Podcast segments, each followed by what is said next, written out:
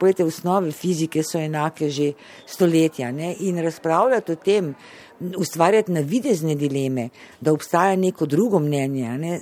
se mi zdi pravzaprav izredno nevarna tehnika, ker uh, s tem uh, sporočamo poslušalcem ali bralcem, da se pravzaprav še ne vemo, zakaj gre in ne iščemo rešitve.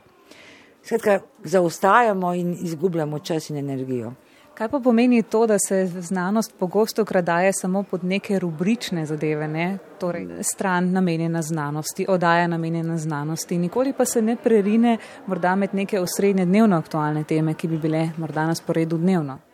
No, to je mogoče dediščina preteklosti, ne? mogoče posledica tudi obnašanja znanstvenikov v nekih slonokoščenih gradovih, ki niso komunicirali z javnostjo, no? ampak mislim, da je ta čas uh, presežen ne? in večina uh, znanstvenikov, sploh pa tisti, ki so tudi učitelji istočasno, je sposobna komunikacija na povsem uh, poljudni ravni in seveda ravno znanost ne sme biti omejena samo na neko točno določen problem in participacija znanosti pri različnih temah, ne na zadnje tudi političnih, ne, eh, mislim, da je nekaj, kar eh, manjka v slovenskem in evropskem prostoru na splošnem, ne, eh, ukviranje v rubrike ali pa neke strani v časopisu, ne, to se mi zdi primerno za prejšnjo stoletje.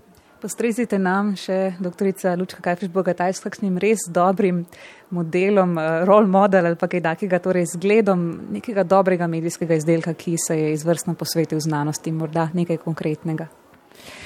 Večina okoljskih problemov, ki so dobili neke rešitve, na koncu srečne epiloge, ne, vedno so bili zraven mediji. Ne. Mediji so bili tisti, ki so nekako stisnili v kot, če tako rečem, povzročitelja. Seveda, če so delovali konsistentno, strokovno ne, in marsi kakšen problem ali pa očkodnina, če gledamo v tujini, uh, je bila izplačana ali pa ljudem nekako tudi opravičilo dano, ker včasih ne gre samo za denar in kaj podobnega, na račun pravilnega, usklajenega delovanja medijev.